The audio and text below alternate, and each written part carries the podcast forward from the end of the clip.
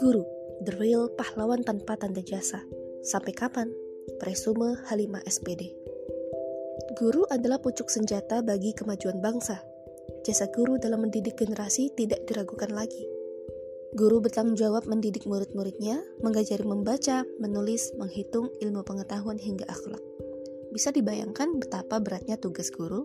Hanya saja, tugas guru saat ini juga bertambah dengan persyaratan administrasi mereka harus mengolah data untuk laporan dan meningkatkan pangkat.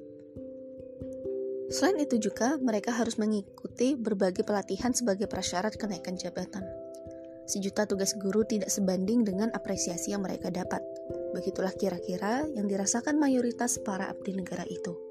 Selain itu, terdapat adanya perbedaan fasilitas antara guru honorer dan pegawai negeri, mulai dari besaran gaji, tunjangan, hingga masa pensiun. Sangat disayangkan, ribuan nasib guru belum juga mendapatkan perhatian. Negara sibuk membayar hutang, sedangkan pendapatan negara hanya diperoleh dari pajak. Kekayaan SDA bukan diperuntukkan untuk mensejahterakan rakyat, terutama guru, tapi dikuasai asing dan swasta. Bagaimana dengan negara?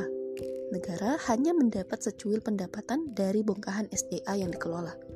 Besaran pajak yang terbatas juga tak mencukupi untuk memberikan apresiasi bagi para guru. Kondisi ini tentu sangat berbeda dengan Islam. Bagi Islam, guru memiliki kedudukan yang tinggi. Mereka adalah orang-orang berilmu yang mendapatkan perhatian khusus dari Allah Subhanahu wa taala. Sebagaimana firman Allah Subhanahu wa taala, Allah akan meninggikan orang-orang yang beriman di antaramu dan orang-orang yang diberi ilmu pengetahuan beberapa derajat dan Allah Maha mengetahui apa yang kamu kerjakan. Quran Surah Al-Mujadalah ayat 11 Islam memperhatikan segala hal tentang guru.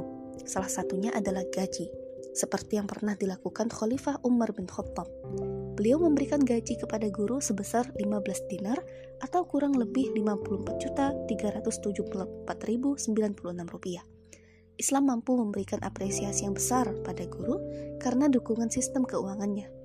Dalam anggaran Islam, pendapatan berasal dari beberapa pos, seperti pos jizyah, fa'i, khoroj, gonimah, harta, tidak bertuan, pengelolaan SDA, dan lain-lain.